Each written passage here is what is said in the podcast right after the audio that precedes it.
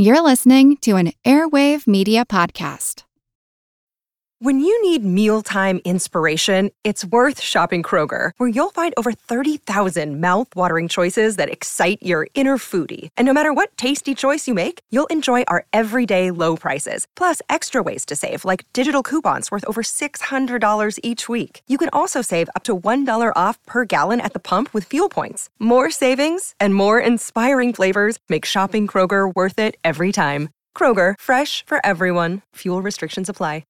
Save big money when you start your next project today at Menards. Convert your current recess lighting with energy saving LED downlights from Feit Electric. They're bright and install easily in just minutes. They also go from regular lighting to nightlight mode with just a simple flip of a switch. Save big on all Feit lighting products now at Menards. Shop our lighting options today in store and on Menards.com.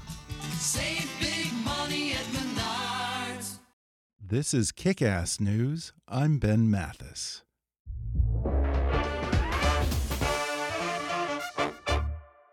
No one compliments you when their paycheck's correct, but make one mistake and you risk alienating your entire workforce. Kronos makes sure your payroll is done right the first time, from punch to paycheck. With embedded checklists and simplified workflows, Kronos is your single source of truth. With Kronos, you get HR, payroll, talent, and timekeeping in one unified system, all with a proven implementation approach and simplified, transparent pricing. Learn more at kronos.com/payroll. Kronos, workforce innovation that works. And now, enjoy the show. Hi, I'm Ben Mathis. Welcome to Kickass News. When Valerie Jarrett interviewed a promising young lawyer named Michelle Robinson in July 1991 for a job in Chicago city government, neither knew it was the first step on a path that would end in the White House. Jarrett soon became Michelle and Barack Obama's trusted personal advisor and family confidant. In the White House, she was known as the one who got President Obama and helped him engage in public life. Jarrett joined the White House team in January 20, 2009, and departed with the first family on January 20, 2017. And she was in the room, in the Oval Office, on Air Force One, and everywhere else when it all happened.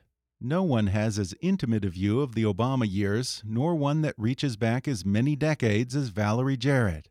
Now she shares those memories in a new book titled Finding My Voice My Journey to the West Wing and the Path Forward. And on today's podcast, Valerie Jarrett recalls what she calls a magical childhood, spending the first five years of her life in Iran, the difficult transition for her when her family moved back to Chicago, and how her own experience a few years later as a single working mom influenced her to advocate for women and families in the White House. She remembers her first impressions of Michelle and Barack Obama, shares her unique perspective on their marriage, and tells the story of the time Michelle Obama recruited her to help convince a young Barack Obama to give up politics and get a real job. Of course, we know how that went. She talks about being the one who kept President Obama connected to the world outside of Washington as Director of Public Engagement and Intergovernmental Affairs. She describes the surreal and heartbreaking experience of watching the 2016 election returns with the Obamas in the White House residence and reveals what's been the hardest blow to take from the Trump administration. Plus, she shares a few of what she calls her pinch me moments from her eight years in the White House. Coming up with Valerie Jarrett in just a moment.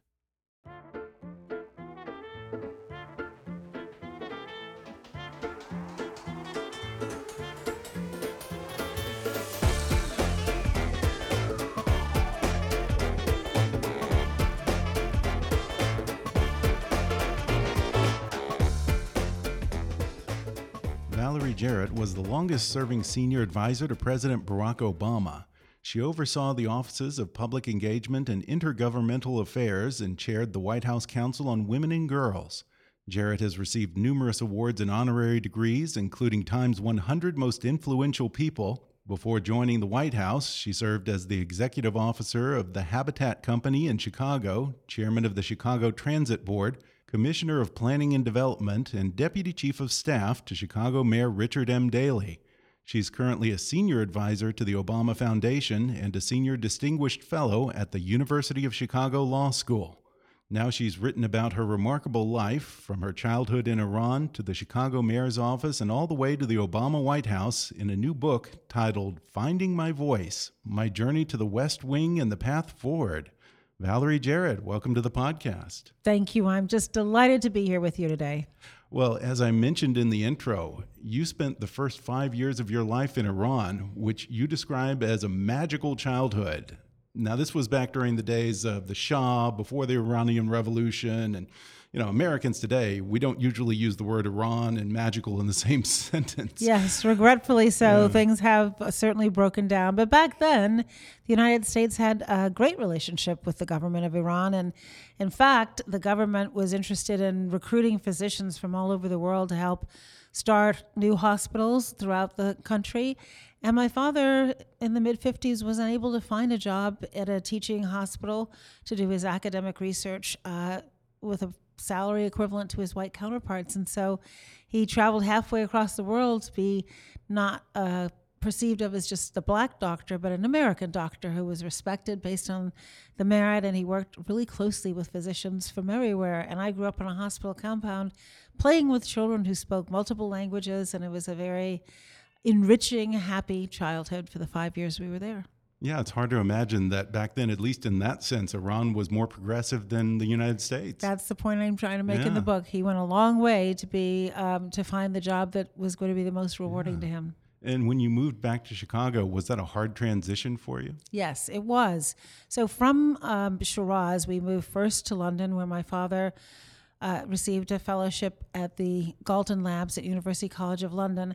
And from there, a year later, he was recruited to the University of Chicago Medical Center. So the irony is he had to go halfway around the world to find a job right back in my mother's hometown that he wanted in the first place. But he said that's like the adventure of life is yeah. sometimes the shortest distance to where you want to go is the longest way around. And for them, they were returning back to my mom's hometown, to the place where my father had done his residency and was very familiar to them and it felt like a foreign country to me.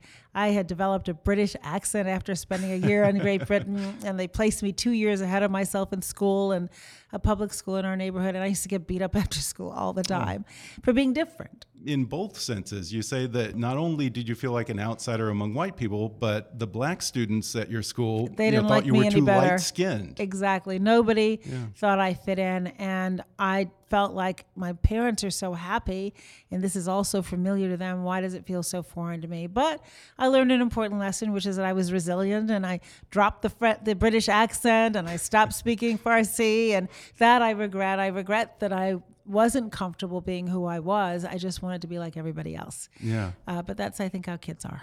But I think it must have helped that your family, especially having your grandmother around, who definitely seemed to be firmly rooted in their heritage and uh, their identity.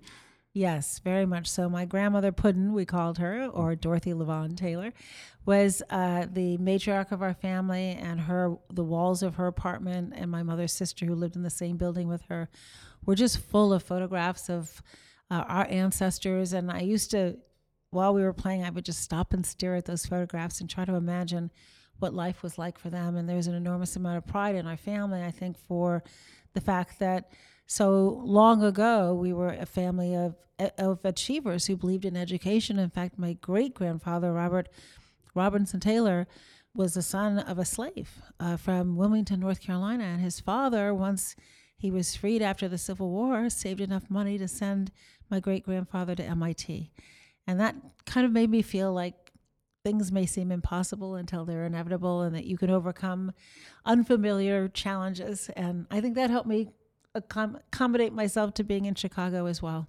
Yeah, and your parents were both big proponents of education in your family, and you eventually went to Stanford and then to law school at the University of Michigan. After that, you got married and you had a career at a prestigious Chicago law firm, and then later in the mayor's office you were essentially during that time a single working mom because your husband at the time you describe him as being sort of aloof and he was off doing his residency in Michigan while you raised and supported your daughter. How did that experience influence your later efforts to advance policies like the Equal Pay for Women and the Healthy Families Act? That's such a good question. I remember being, you know, this young single working mom. Never in my wildest dreams did I think my marriage would fall apart, but it certainly did. And I was just feeling like I was hanging on by my fingertips, and I was I I was a lawyer, so I had the ability to afford the best childcare. My parents lived in the same neighborhood with me, and my dad took my daughter to work every single to school every single day on his way to work and brought her home. Um, I had everything going for me, and I still felt like I was hanging on by my fingertips. And so, back in those early days, I used to think, well, my goodness, if it's so hard for me, what must it be like to that single mom who's working two shifts in a factory and and doesn't have flexibility and doesn't have a support network and leaves her child through no fault of her own in circumstances where she doesn't know if they're safe. And and and it so it motivated me to say what can i do to make it easier on working families? Um, one of my responsibilities in the White House was chairing the White House Council on Women and Girls. It was the first time ever that a president had created a council that had representatives from every agency in the federal government, and we were all supposed to look at the our missions through a gender lens and are we doing right by women and girls? And of particular interest to me, in addition to women's preventive health care, was the basket of issues I call working family issues. And I just put I kind of lived them. And so I thought, well, what it, what would have been helpful to me when I was a young single working mom? Well, workplace flexibility. If I didn't show up to take Laura to a doctor's appointment or a Halloween parade, nobody showed up. So I needed the flexibility to do that.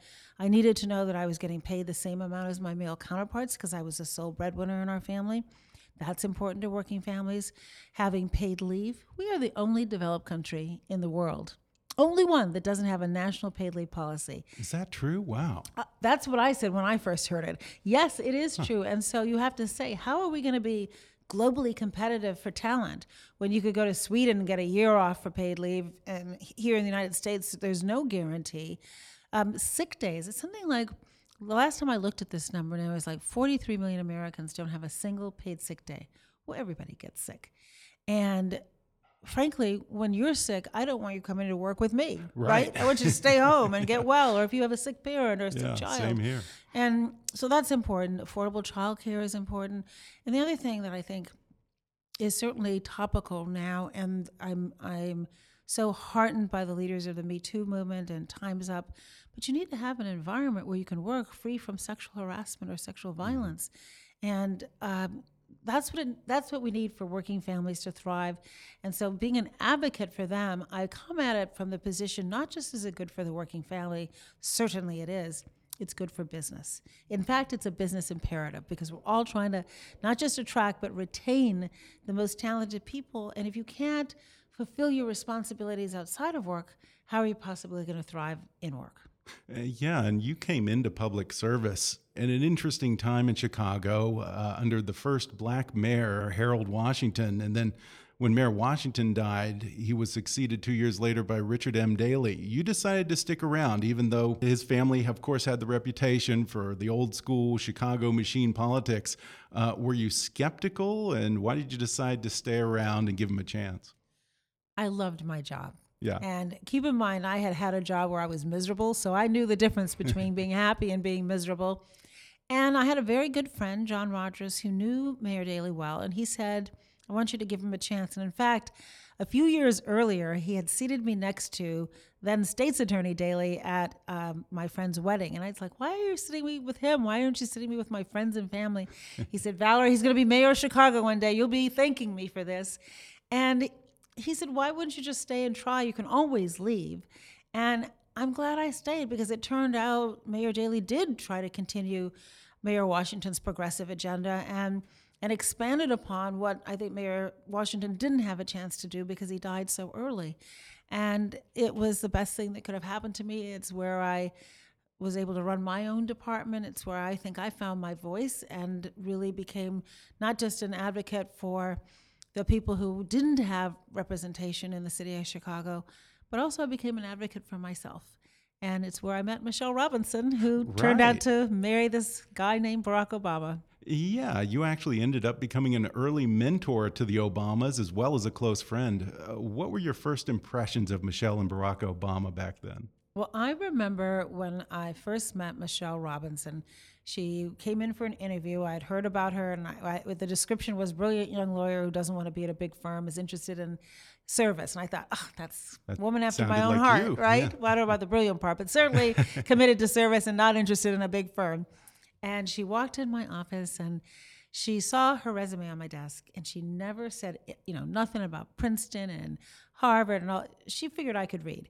She told me her story. And it's this quintessential American story that we all now know so well about growing up on the south side of Chicago, working class family, parents who hadn't finished college, and yet had instilled in both she and her brother Craig the sense of a value of education and a responsibility to give back.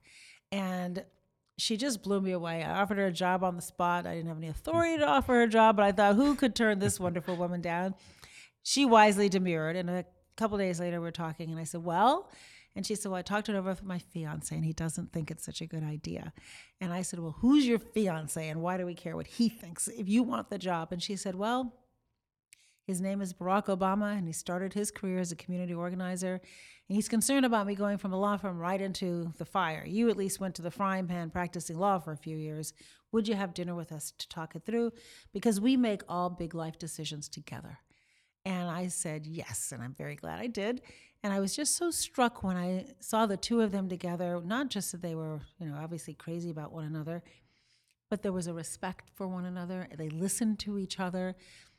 He asked me questions about Iran in a way that I had never really been asked before. Really? And well, because usually people say, Well, so where are you from? And he said it, and I said Chicago. And he says, Well, did you grow up here? Yes. Were you born here? And I went, No, I was born in Iran. And usually I prepare myself for all kinds of reactions as you get Yeah. to that. And instead, he said, Well, that's interesting. I spent time in my childhood in Indonesia. And we started comparing what we had learned from these experiences outside of the United States. And at the end of the dinner, I, found, I thought to myself, Well, this is the first person I really met who got me and who understood what it was like to see the United States from the vantage point that we shared. And uh, and to have kind of culture shock coming back to this country, but yet appreciating this country in ways that people who've not lived outside the United States sometimes take for granted, like our civil liberties or even clean water and food. And my mom, you know, boiled and peeled everything I ate and drank and worried about diseases that could have been devastating. And then we also said to each other that, you know, the United States is the greatest country on earth. It's not the only country on earth, and we can learn a great deal outside of our shores. And I think that informed our view about uh, really both foreign and domestic policy, those early years. Yeah, a lot of that sounds very much like the things that were coming out of Barack Obama's mouth just a couple of years ago. Yeah. It sounds like there wasn't a huge change between the young Barack Obama and the Barack Obama became president. Well, as his uh, wife said quite famously, being president didn't change who he is, it simply revealed who he was. Yeah. And I think that's very true. And in one of the lighter moments in the book, Barack Obama had lost his bid for Congress and was considering a run for Senate. And there's this great moment where Michelle wanted him to kind of give up on this pipe dream of politics and get quote unquote a real job. So she asked you to host this brunch with some friends to talk him out of it. it Yeah, didn't that exactly didn't go, go, well. that way. it didn't go well at all. But what I remember most vividly about the breakfast, um, other than at the end of it, he asked me to chair his finance committee, which I wasn't expecting to do, but that I told him I was af- I was afraid for him. I was afraid that after having been um, having lost to his race uh, against Bobby Rush for Congress, to so soon run for a statewide office when he couldn't even win his district, his congressional district, I was afraid that his political career would be over if he lost. And I remember him saying to me, Valerie, if I'm not afraid, why are you? And what's the worst thing that'll happen is that I lose again and I can always get a job. It's not a matter of that. And I think the timing is right. And when you think the timing is right, you got to go for it and be prepared to take, you know, whatever comes your way and work really, really hard and see what happens. And it, as it turns out, my advice was not so good and, his, and he was right. We're going to take a quick break, and then I'll be back with more with Valerie Jarrett when we come back in just a moment.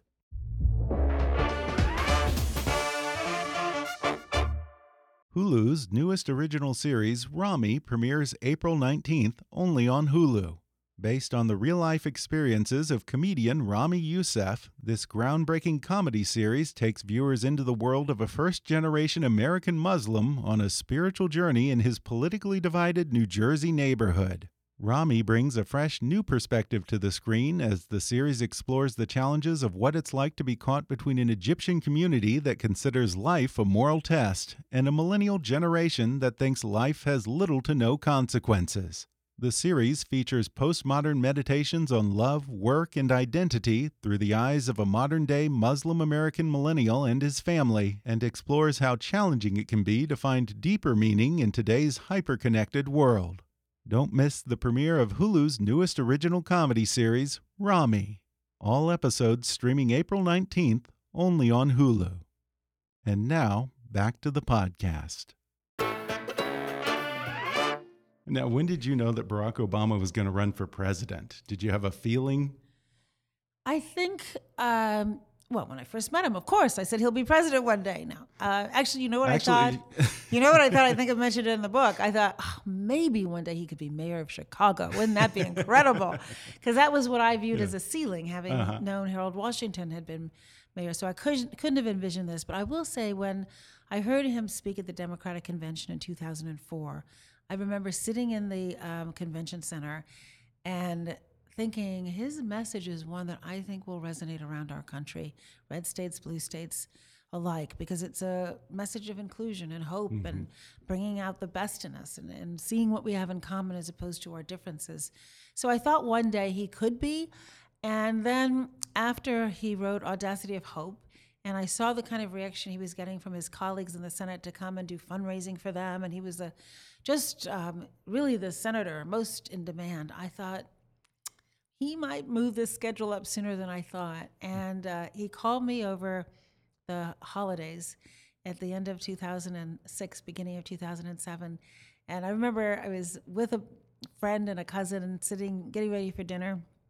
And he called, and I stepped outside to take the call. And he said, oh, he said something like, I think I'm going to do it. And I knew what it was. And I said, Great. I'm not going to make the mistake I made when I told you not to run for the Senate. And uh, soon thereafter, he started having serious conversations.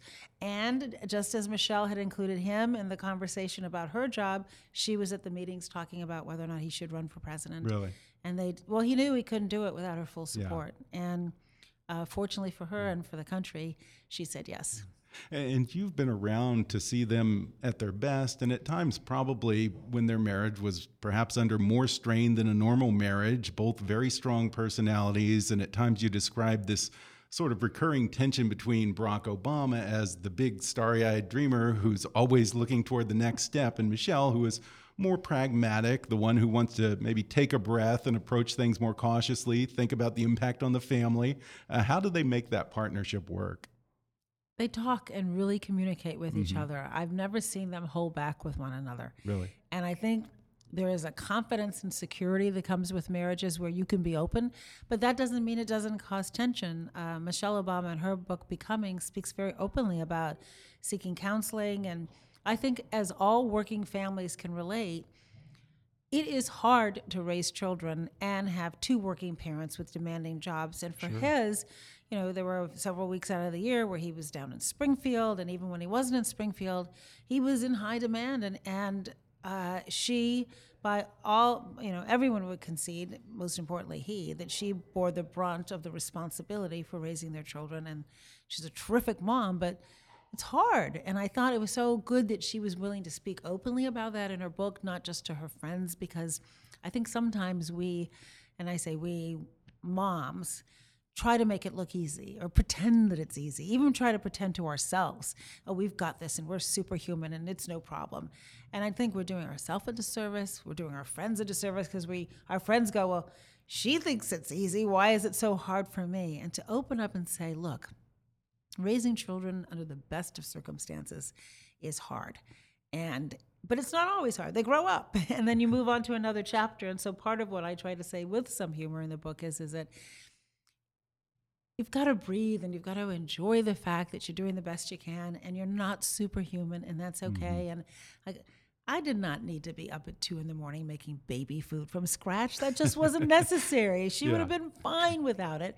And so some of that we put on ourselves, and some of it is societal and it's what employers put on us. And that's the piece where, when mm-hmm. I was in the White House, I tried to address. Mm-hmm. A- And initially, you said you didn't want to go to D.C., you wanted to stay in Chicago, but you did eventually come to the White House with the Obamas. Um, you were someone who was very close with them. You were invited to the dinners in the residence. You describe you know, unwinding over cocktails on the Truman balcony many afternoons. Um, aside Evenings, from evenings, not so much in the right, right, okay, fair enough.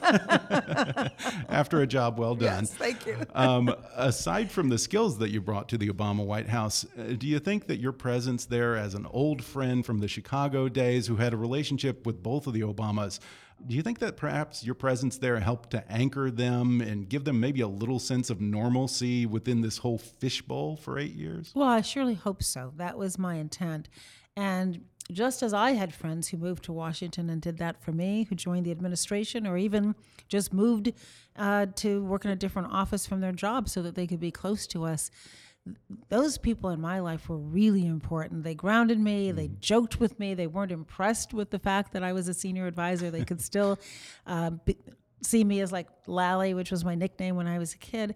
And I think we all need that. And so I certainly tried to be that for the Obama, for the Obamas. And I think I think I became a better friend because I knew what he was going through in the course of the day. And I also think I was a better advisor because I knew his values and what he stood for and what he was fighting for and how important it was for him to be a whole and present dad. And I tell a story in the book about if I was ever in the Oval Office um, at after six o'clock in the evening, I would just stare at the clock because I knew by six twenty-eight he needed to be heading back upstairs for dinner.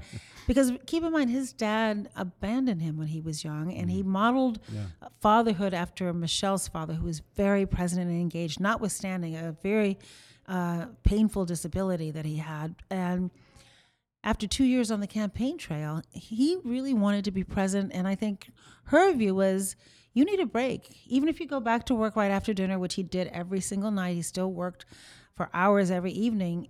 She thought it was important that the family was together and that they not sit around the dining room table waiting for him. Mm-hmm. That that sent a bad message to their daughters and to him. Mm-hmm. And so, as a friend, I knew, well, as an advisor, I knew we needed him and we needed to resolve the issues at hand.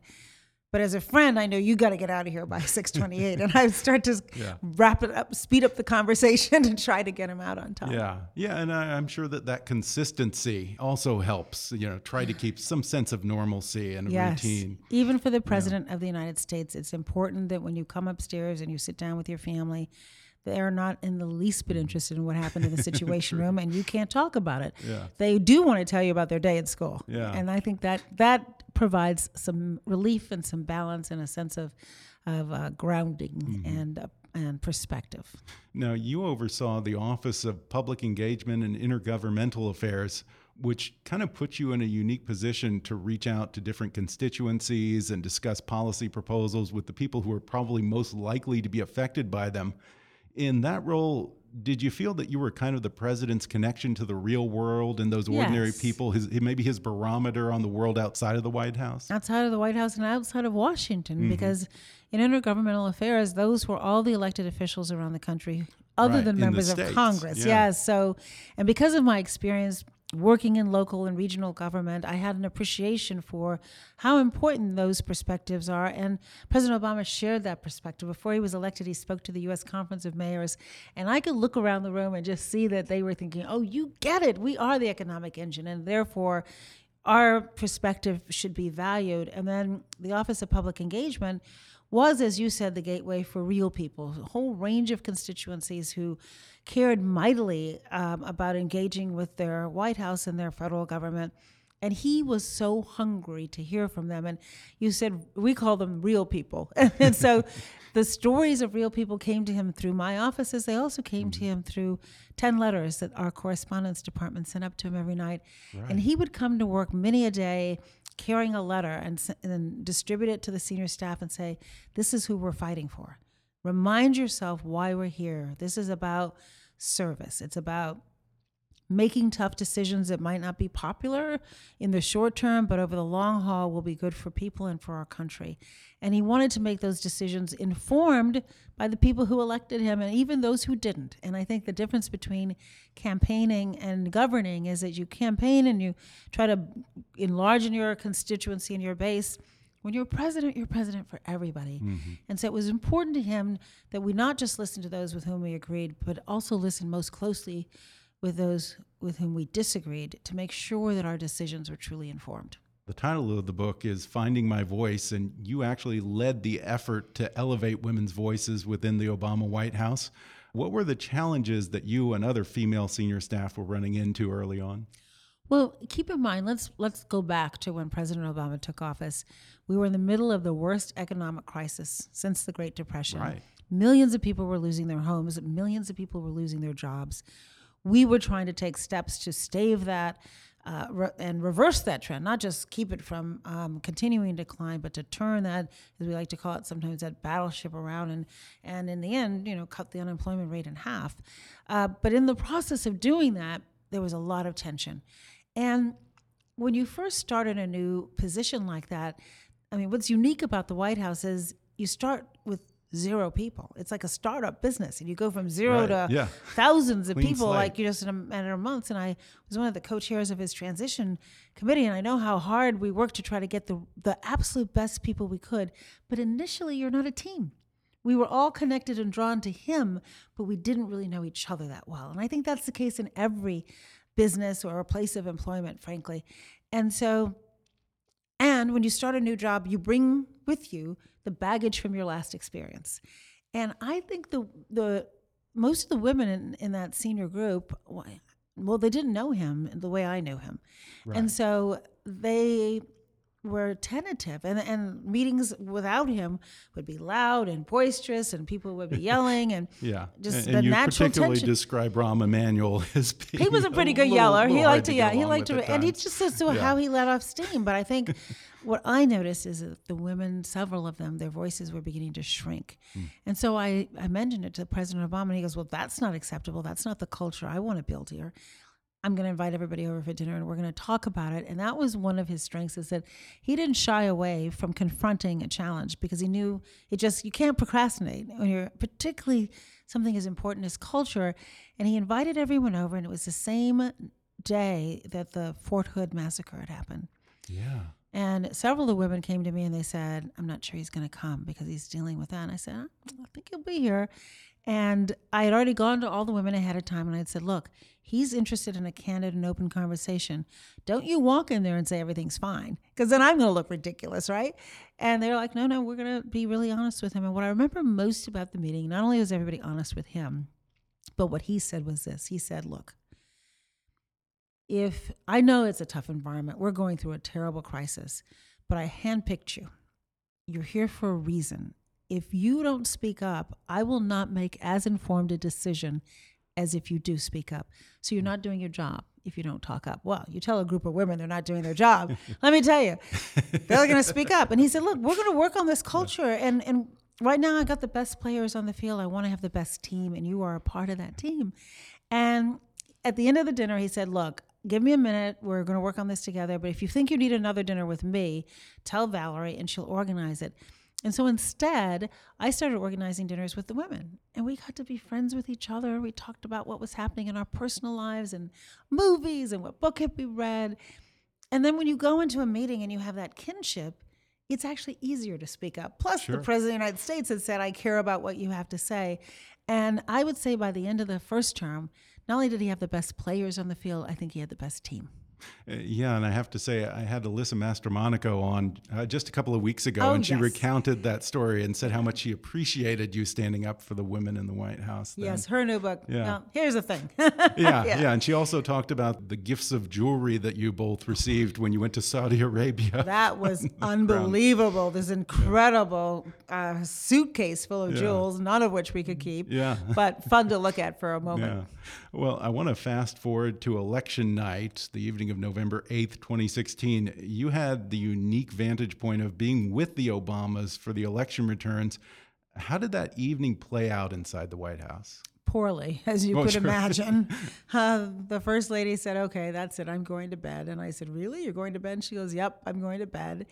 And you could just, I mean, the, the pall that began to creep in as the re- returns came in was palpable. I ended up going down and spending some time with President Obama's political director and my chief of staff, who had been uh, the political director in his in President Obama's last campaign, and we watched it just get worse and worse and worse. And then um, I remember my daughter was staying with me at the time, and she came in to the office or into the, our home at three in the morning from work, and she said, "Well, President Trump is going to be the president." And I thought, "Oh my gosh, how could this have happened?"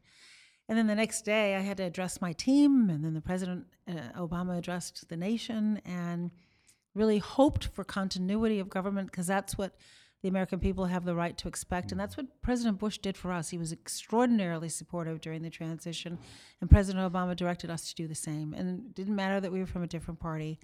You, you try to give your successor the chance to hit the ground running. Yeah. And so that's what we tried to do. And as someone who had stayed on with the staff at the White House and not gone over to the Clinton campaign in 2016, did you follow the election that closely that year? Did you were I you at all worried that Donald Trump might win? No, No. and that was my error. I actually thought that you know a country that elected Barack Obama twice would elect Hillary Clinton, Yeah. and I thought I certainly thought, as President Obama had said many times, that of all the people who were running, she was certainly the most qualified. She was more qualified than either Bill Clinton or Barack Obama when they were elected, given her experience as a first lady, as a senator, and as and as a secretary of state. So it was profoundly disappointing, and uh, you know you try to figure out what happened and where I zeroed in on, and it's one of the areas where I'm spending a lot of my time now is that 43% of the country did not vote. Eligible voters didn't vote. Yeah. Well, a democracy requires civic engagement, and the most fundamental responsibility of that is to vote. And so, how can we go about trying to convince people, particularly young people who disproportionately don't vote in higher numbers, why it's in their self interest to do so? And I think I'm worried about this phenomenon of, uh, phenomenon of shunning institutions and the fact that we now kind of create our own community and our device in the palm of our hand. And it's easier for us to um, shut out voices that we don't want to hear that make us uncomfortable and just really have a kind of an echo chamber. And, um, and that doesn't give you an appreciation for what it means to be a part of a society. Yeah. And there's a difference between your own self defined community and your society. And so I want to encourage young people to see themselves as having a voice in who leads our country and appreciating the impact that government can have in a very positive way or in a very negative way. And we get the government we deserve. As you have to watch Donald Trump essentially trying to erase the Obama presidency and now even talking about taking another run at dismantling the Affordable Care Act, which you put so much of your own energy into, uh, what's been the hardest blow? Well, I think what's hard for me is traveling around the country as I have the privilege of doing now and hearing the fear in so many people who are worried about, well, I have a pre existing condition. And if they take away the Affordable Care Act, will my premiums be cost prohibitive? Yeah. Or will I hit a lifetime or even an annual cap that means that I'm going to have to come out of pocket and choose between paying my rent and, and having health insurance? Or people who are worried because they have a child with asthma and they're seeing rolling back all of these environmental protections or the we should, what we talked about in terms of working families requiring employers to not penalize their workers who share compensation well how do you know if you're getting equal pay if you can't even talk about it uh, so there are lots of different fronts where I'm concerned, not because of the work we put in, because that's what's expected of you. You get there and you have the privilege of working in the White House. You better work as hard as you can, and you know that it's time limited, which is why we tried so hard to do legislation on issues like immigration reform or background checks or guns or criminal justice reform to name three that I'm disappointed didn't go through, because you know your successor has the privilege of reversing what's done by executive order, and um, so yeah, it's it's been very challenging to see the impact it's having on our country. Not to mention how we are viewed around the world. And I think about the the separation of families at the border and people coming here seeking asylum because they're living in unbelievably harsh conditions and our laws allow people to come here for, and seek asylum that's that's playing by the rules and the thought that we would tear families apart and not even keep track of where the children and parents are so that they could be um, reunified and to think that that will then teach people not to come here. We have always been a nation of immigrants and a nation of laws. And I think our values reflect that we should do better than we've been doing. Yeah, yeah, I think that's the danger of I don't know the the, the sense of people treating uh, politics as theater these days, Yes. and this callousness is that you forget that it really does affect actual people's lives. Absolutely. Well, I appreciate you talking to me. I know you have to go. Uh, real quickly before we go, uh, you have a chapter titled "Pinch Myself Moments." What was your favorite? I'll give you two. Okay. And the pinch, for those who haven't read my book yet, I hope you do, but they're really about our travels around the world. And uh, when I lived in, in uh, London, I used to drag my parents down to Buckingham Palace uh, every weekend to watch the changing of the guards. And I'd stand outside the wrought iron fence, and I, for hours I would have stood there just watching the guards. And so to be able to be in a motorcade, presidential motorcade and the gates opened up and there we went into the Buckingham Palace and met the queen who couldn't have been more gracious and kind and it just was like a dream come true for me so that's one and then I had an extraordinary trip to Dharamsala to visit the Dalai Lama uh, as an emissary for President Yeah. Obama and the, His Holiness was gracious enough to give me a couple of hours of his time. And before he'd arrived, I'd visited an orphanage and I'd visited with uh, several of the people who lived in this really exiled community that was Tibet in India, where the government of India of India had provided the Dalai Lama with this land uh, as a refuge for those who had left Tibet. And he was such a joyful spirit. And I thought, my goodness, you know what? He's lived over 50 years in exile, and yet he's still a happy, good spirited person. I got nothing to complain about. And I really, I tried to let him uh, get into my soul and say, let me be the best person and the most joyful person I can be. Yeah, yeah. I think Obama later teased you when he met the Dalai Lama and said, "Oh, this is the woman who says you changed her life." And the Dalai Lama said, with a big belly laugh, ah, she exaggerates. But he didn't. He didn't. I didn't exaggerate. He did make my life better. well, once again, the book is called "Finding My Voice: My Journey to the West Wing and the Path Forward." Valerie Jarrett, thanks for talking with me. My pleasure.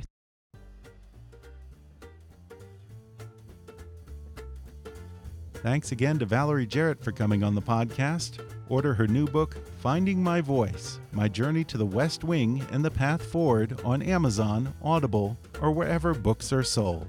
And follow her on Twitter at, at Valerie Jarrett.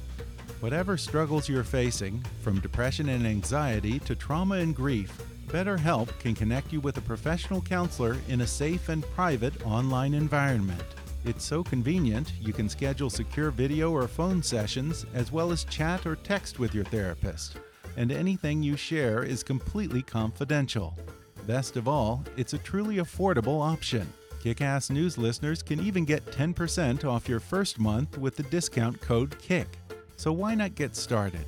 Simply go to betterhelp.com/kick and fill out a questionnaire to get matched with a counselor you'll love today. Be sure to subscribe to Kickass News on Apple Podcasts if you haven't already. And if you like what you're hearing, then rate and review us while you're there. Five star reviews are the easiest way for new listeners to find us. Don't forget to like us on Facebook and follow us on Twitter at, at KickassNewsPod. And feel free to email me with your thoughts, questions, and suggestions at comments at kickassnews.com. Until next time, I'm Ben Mathis, and thanks for listening to Kick Ass News.